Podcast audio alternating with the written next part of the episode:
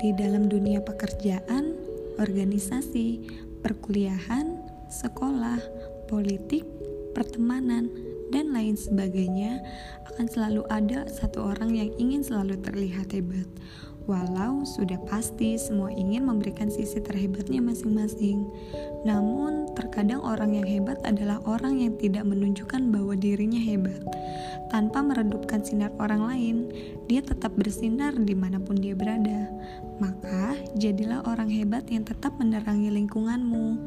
Hebat bukan berarti yang terkuat, yang terpintar, yang terkaya, yang terkenal, yang tercepat, yang tercantik, yang terganteng, dan yang ter-terlain-lainnya. Hebat itu adalah ketika kamu mampu menggunakan dayamu untuk membuat orang lain bertumbuh hebat juga. Salam sayang dari Nai untuk kalian semua yang mendengarkan ini.